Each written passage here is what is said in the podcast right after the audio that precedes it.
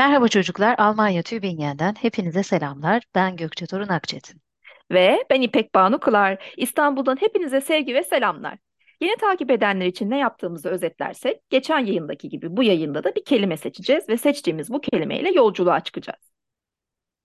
Kelimenin bizde çağrıştırdıkları üzerine konuşurken başka kelimeleri, ilgili öyküleri anlatacağız. Hayal ettiğimiz yolculuk bu şekilde. Bu haftanın kelimesi tıp. Bir, iki, üç, tıp.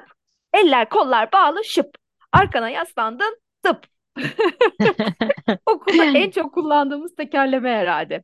Ders başlamadan önce sessizliği sağlamak için söylüyorum. Yani söylüyoruz genel olarak. Çocuklar da aslında çok söylüyor ve aralarında oynuyorlar. Bu tekerleme aslında bir oyunun başlangıcı. Küçükken biz de oynardık. İki ya da daha fazla kişiyle oynanabilir. Bir, iki, üç tıp dendiğinde oyuncular susar ve konuşan yanar. Ve oyundan ayrılır. Sona kalan kişi oyunu kazanır. Aslında çok basit bir oyun ama oynamak bence çok zor çünkü sabır istiyor. Hele konuşmayı seviyorsan kesinlikle oyundan ilk ayrılan kişilerden biri oluyorsun. Üstelik Çocuksan. evet doğru çocuksan. Üstelik gülmek de yasak olduğu için oyundan ayrılanlar birbirlerini güldürmeye de çalışıyorlar. Bir de bir iki üç tıp denildiğinde konuşanın ağzına yılan girsin ya da konuşanın ağzına akrep girsin gibi şeyler de söylenirdi biz küçükken. Bilmiyorum sizde de olur muydu? Küçükken biz de oynardık. Ama ben bugün özellikle dünyanın boğuştuğu virüsler, kıtlık ve hastalıkları düşünürsek sağlık bilimlerinin tamamı için kullanılan tıp teriminden bahsetmek istiyorum. Etimolojik olarak Arapça kökenli bir kelime olan tıp, Türk Dil Kurumu yani TDK'nın tanımına göre hastalıkları iyileştirmek, hafifletmek ve önlemek amacıyla başvurulan teknik ve bilimsel çalışmaların tümü tababet şeklinde tanımlanmış. Tanım sonunda bahsedilen tababet kelimesi de tıp sanatı, hekimlik olarak tanımlanmış. Tıp sanatı. Çok güzel değil mi ya?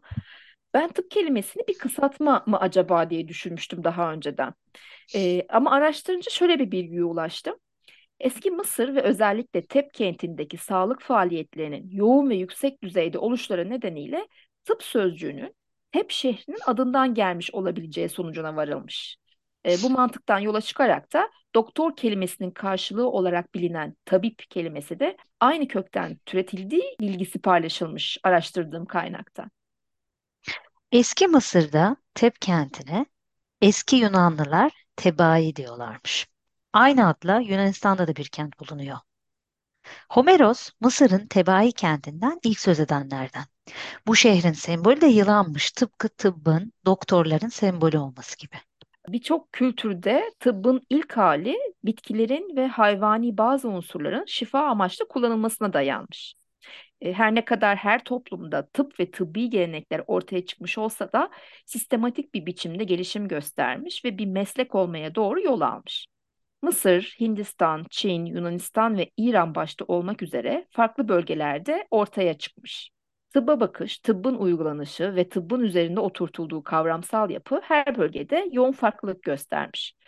E, Bugünün en yaygın tıbbi sistem olan modern tıp yani biyotıp büyük oranda 18. yüzyılın sonlarında Avrupa bazlı olarak gelişmiş. 1900'lerin başında kliniksel tıbbın gelişiminin odağını oluşturan ülkeler Birleşik Krallık ve Amerika Birleşik Devletleri olmuş. Ancak günümüzde tüm dünyada bu mesleğe gönül vermiş bilim insanları sayesinde gelişimini hala ve hızla sürdürmekte.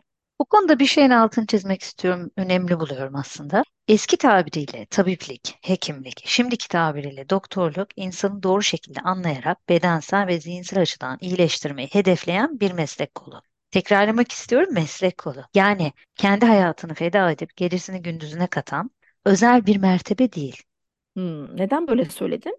Bir meslek dalı ne kadar kutsallaştırılırsa iştirak edenleri o kadar zor bir mertebeye sokuyor. Mesela doktorları ulvi bir mertebeye alırsak bu noktadan sonra uyumayan, sorgusuz sualsiz çalışan bir canlı bekliyoruz. Mesai saati bitince evine giden, bir ailesi olan, 15 dakikada hasta bakmayı reddeden bir doktoru bencillikle suçlayabiliyoruz.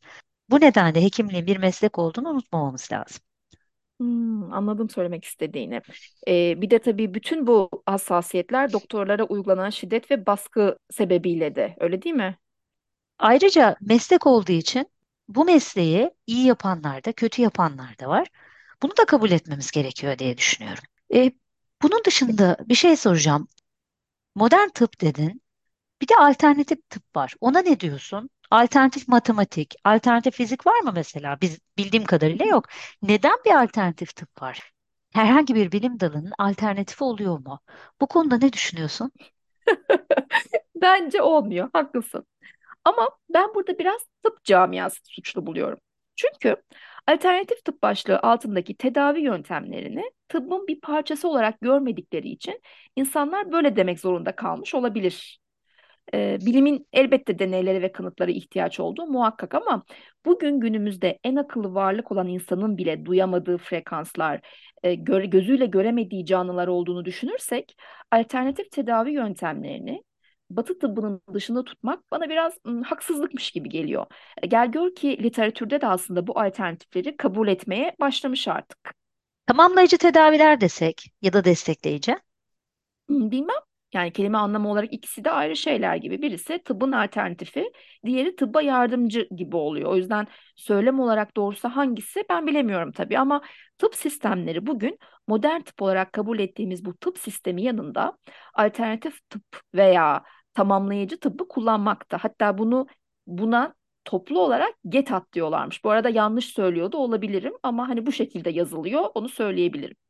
E, dünya üzerinde GETAT, akupunktur, e, homeopati, ozon tedavisi, oksijen tedavisi, mezoterapi, masaj, hipnoz, ayurveda, e, aromaterapi, yoga, kriyoterapi, meditasyon, osteopati, refleksoloji, kaplıca tedavisi, e, termal tedavi, spa tedavisi, hidroterapi, müzik terapi, pilates gibi çeşitli yöntemlerle yöntemle, yöntemle uygulanıyormuş.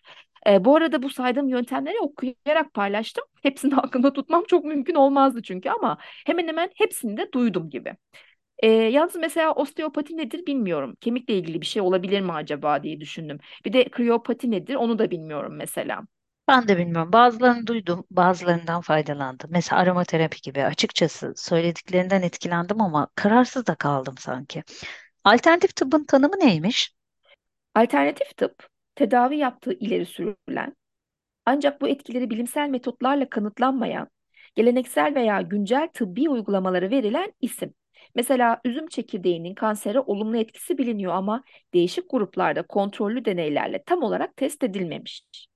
E, fakat bir gün deneylerin sonuçları, sonuçları kesinleşince bir bakılıyor ki kansere faydası varken başka bir organa zarar verebiliyor. Fakat bir gün deneylerin sonuçları kesinleşince bir bakılıyor ki kansere faydası varken başka bir organa zarar verebiliyor. İşte bu fayda zarardan dolayı net bir şekilde kanıtlanmadığı için alternatif tıp olarak kalabiliyor. Tabii böyle bir negatif bir şey tanımlanmamış ama e, olabilir. Hani şu Evet, anda hala olabilir. alternatif tıpta.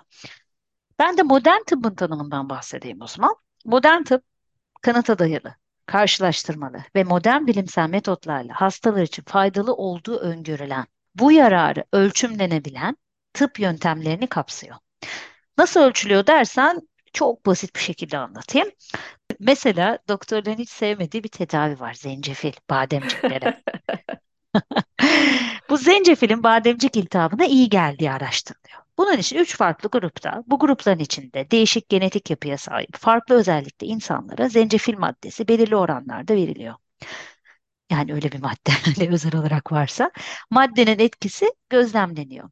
Birincisi boğazı ağrıyıp zencefili düzenli kullananlar, diğeri zencefil kullandığını sanıp başka bir madde verilenler ve son olarak da zencefil kullanmayanlar gibi farklı farklı gruplarda test ediliyor. Tabii bunlar çok basit bir anlatım oldu. Bütün bunların sonuçları bu farklı gruplarda, farklı zamanlarda test ediliyor.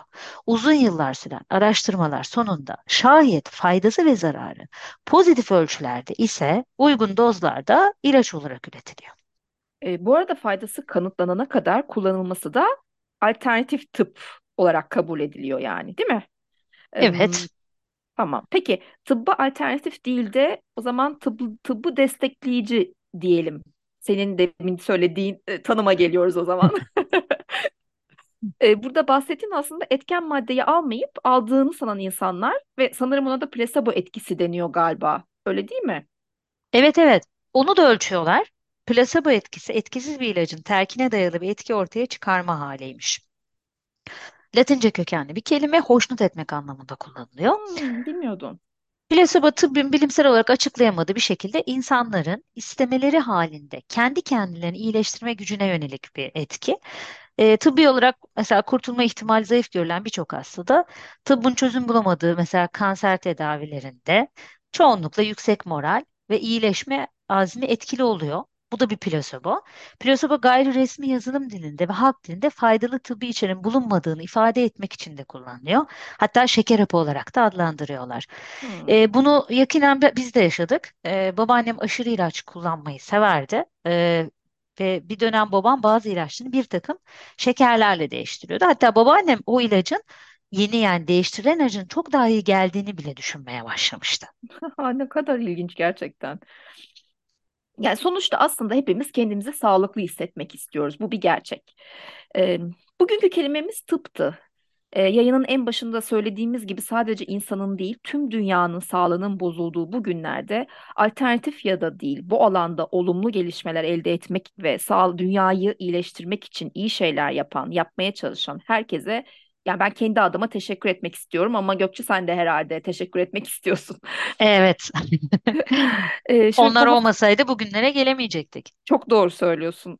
Ee, şimdi bu haftalık yayınımızın sonuna geldik ama kapanışı antik çağda yaşamış ve Batı tıbbının kurucusu olduğu kabul edilen Hipokrat e, ya da onun öğrencilerinden birisi tarafından yazıldığı kabul edilen hekimlerin mesleklerini onurla uygulayacağına dair söz verdikleri Hipokrat yeminiyle kapatmak istiyorum. Daha doğrusu istiyoruz. E, günümüzde bu yemin değişiklik göstermiş ancak e, sizlerle 12. yüzyılda bir Bizans yazmasının da e, düzenlendiği şekliyle sizinle paylaşacağız. Yani çok eski dönemden kalma bir yemini paylaşacağız. Eski bir haliyle. Hı hı, anladım.